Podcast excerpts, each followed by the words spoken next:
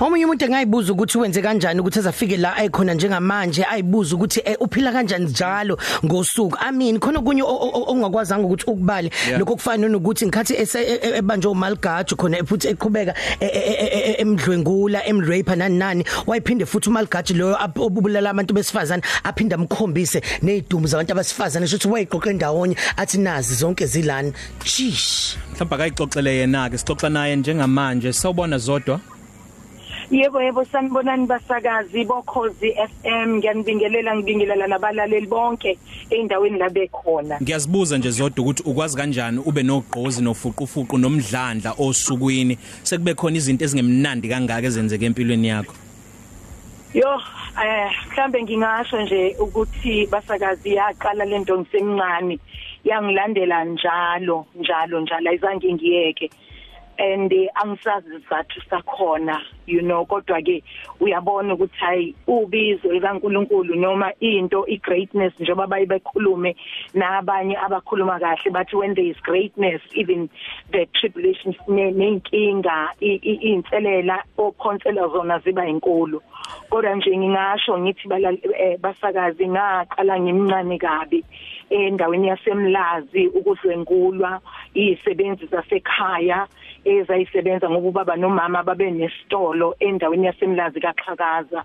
Eh abanye nje bayasazi kakhulu istory sami and eh, ngiyakhuluma nje angisifihli ngoba indlela uNkulunkulu asangisiza ngayo eh kwangenza ukuthi ngibone ukuthi ngenxa yokuthi kunabantu besifazana abanye abathulile eh angibe umlomo ke ngibe umkhulumeli walabo abathulile. Kodwa nje ngeke ngadlwengilwa ngisho na umuntu nje oyisiphathimandla esikhulu obulindele ukuthi ena ngabe uyena ophephisa izingane osivikelayo ngisho njengabantu besifazane. Kodwa ngangavikeleka naseNewcastle nakhona impilo ingeyinhle yangihlula la eThekwini ngoba ngangiloku ngititinywa ile micabango e, ephakathe engidlayo. Ngafika nakhona eThekwini kwasho ukuthi ngigijima nento vele kimi. Mangifika le eNewcastle nakhona ngadlwengulwa futhi umfana engavele nje ngamnqamula itotolozi lakhe. Ngamsika esathi uyang uyang uyang uyang uyang uyang rape eh impilo yangaba yinhle. wawuneminyaka emingaki lapho? ngangina 15 years. Mawumnqamula mawumnqamula kwasekwenzakalani eh ngamshaya nje angazi noma wanqamuka yini kodwa ngathi sengiyi social worker sengifundile sengifike ejele ngisebenza ejele ngoba ngaba nalesi sifiso ukuthi ngiyafisa ukuthi ngisebenze ejele ke ngizwe ukuthi laba bantu aba aba abasemajele ababoshele kakhulu kakhulu ukudlwengula kusuke kwenziwa yini ukuthi umuntu adlwengile umuntu esifazane so ngaba naleyo naleyo nto nje songaqeqeshwa ke nje sengiphumelele empilweni ngafunda as a social worker kodwa lokho konke kuza ngasemuva yayo yonke lento eyenzeka kimi.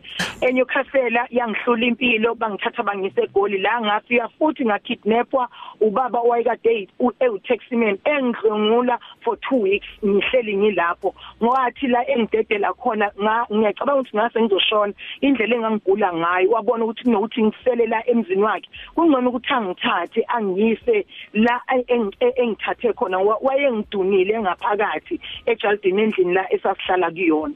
So ngasinda kanjalo ke. Wangiphinda futhi wabuya wazongithatha.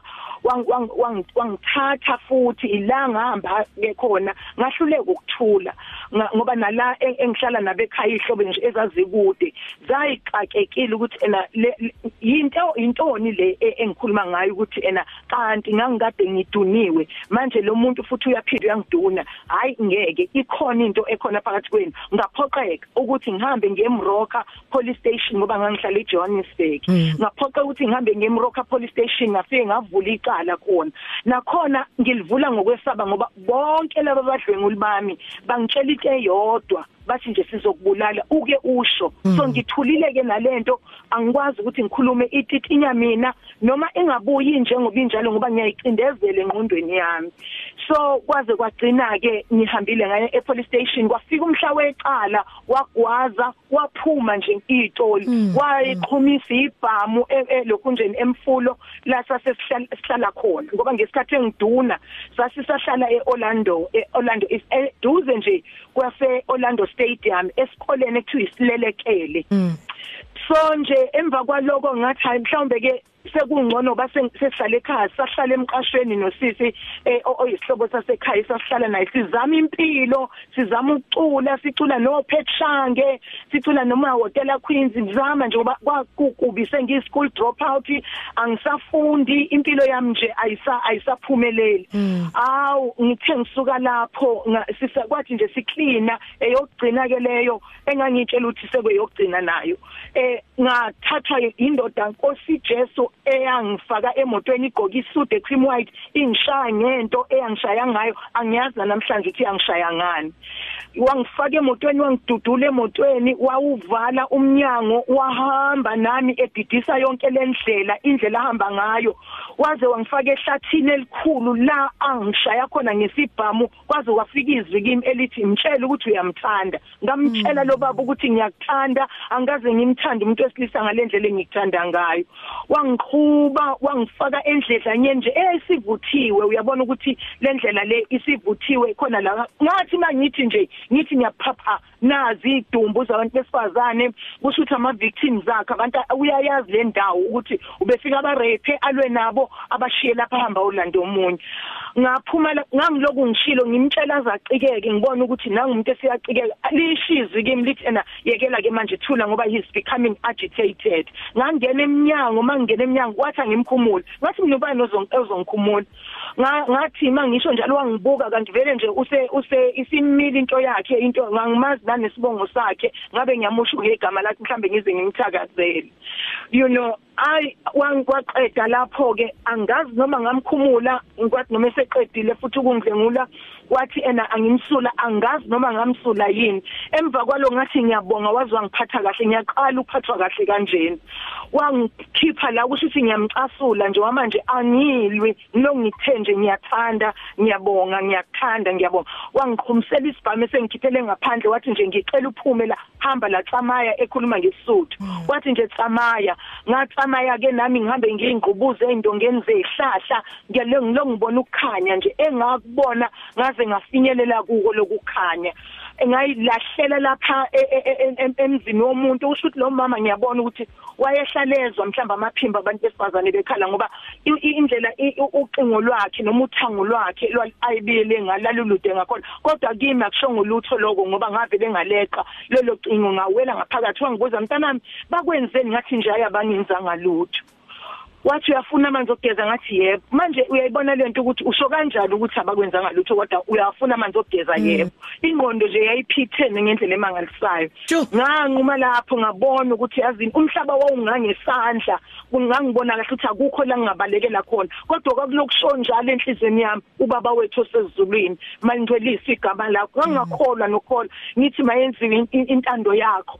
Nginalesi siqiniseke enhlizweni yami ukuthi hayi ukhona umuntu ongikhulekelayo. Ukhona ongithandazelayo ukhona ongithandazelayo. Kodwa manje futhi ngiyazi angeke ngize ngitshele umuntu lento uyabona? Manje um, sisigoqa nje uh, mamzodwa uh, ungathini ke kwabanye izisulo zayo i-rape nayo i-GBV njengoba sibona ukuthi kwenzakalani ezweni njengamanje? Baningi abafana njengawo kodwa ababanga naleso sibindi sokuthi bekwazi ukuthi bekhulume betshela umhlaba wonke. I mean khona mhlawumbe ungathola ukuthi kwenzeke emndenini nje kuyimanje. Ngicela ukuxhuma kulombuzo kaSel Beyonce. Kakhulu kulomuntu ozoba nezigameko iphindelele iphelele ngabantu abahlukahlukene impilo lokuqhubeka mhlawumbe kumcabango ongathi kusho ukuthi mina ngatheleleka nje kwasekuzalweni kwami mm. ukuthi ngiheha abantu ukuthi bezongidlwengula ya eh bengathi mina ena kumuntu ofila kanjalo noma oke kwehlekelwa isehlo esangiyehlakalela nami. Akulona iphutha lakho mntana sekhaya ngoba kwenzeka kakhulu kakhulu eh kubantu besifazana akulona iphutha lakho eh you happen ukuthi mhlawumbe ube sendleleni ube normal kuphambi komuntu o abnormal oselahlekelwe image kaNkuluNkulu kuye. So kunokuthi abuse izihlahla nezilwane zezulu usebusa lapha kuwe.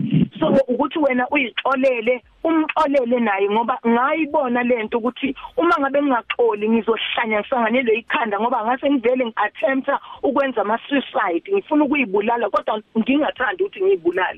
Bengingasho nje ukuthi nakubazali well ngoba isikhathi sincane ungayibheki ungayibhekeli phansi umntwana mawumbone withdrawn umbone sehoshekile umbone kade eqaba qaba manje uyambona usethuli akasakhuluma umntwana usemanelo kekhala ngoba ama signs lawo amaningi maningi kakhulu ngeke ngiwaqede ngalesi sikhathi. Avelayo ubona ukuthi ena umntwana uphakamisa isandla udinga usizo. Mkholo wemzali uma ngabe fika kuwe efika nento enjena ungasho ukuthi ena kokunye ayikhulumeki lento awukwazi ukuyichaza kahle. Namathiwa ngikhulume ngesingisi hey ngiyayiluma nje kakhulu kuze kube ngcono uma ngiyikhuluma ngesizulu. But mafanele ngikhulume ngesingisi fanele ngixoxa amagama kanti ngifuna ukuyikhuluma injengoba injalo yenzekile.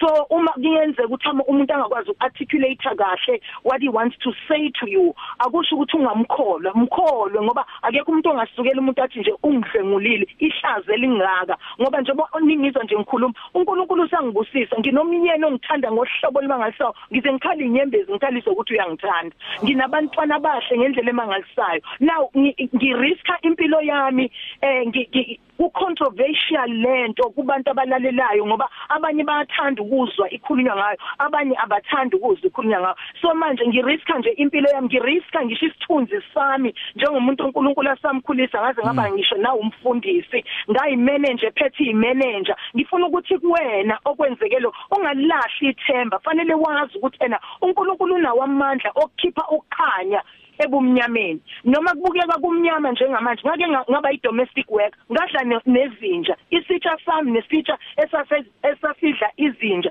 kwakuyisitsha esifanayo. Kodwa uNkulunkulu wangisithi namhlanje ngiyamaza umuntu namhlanje ngazithethelela ngathethelela ngisho kwabona laba bangenza utho. Ngoba noma sengisebenza sengiqashiwe nga sexual harassment umuntu wayivele angene ofisini lami avela khumula uzipha ngikhombisa itotolozi.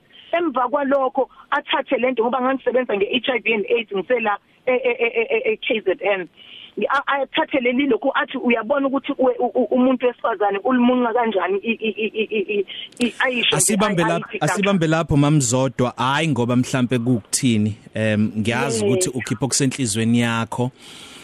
Angazi kuyoba kanjani mhlambe noma kube lolu hlelo kodwa mhlambe kolunye la khona lobu bufakazi yokwazi ukubudlulisela unesikhathi esanele. Sibonga kakhulu siza abantu abaningi ubhale nencwadi unbroken. Ukhona einkundleni zokuxhumana? Ngikhona einkundleni zokuxhumana ku Facebook ngiyatholakala nenamba yami 0714222442 0714222442 ngoba ngiyibophezele ekubasizeni abantu abadlula kulento engidlule kuye ngiyayilaunch incwadi ngomhla ka23 Zodwa Dlamini sibonge kakhulu Ngiyabonga kakhulu Talk to 3 Cafe, Nosia and Sel Beyonce. Speed down ngoba amele uzwe ngabantu.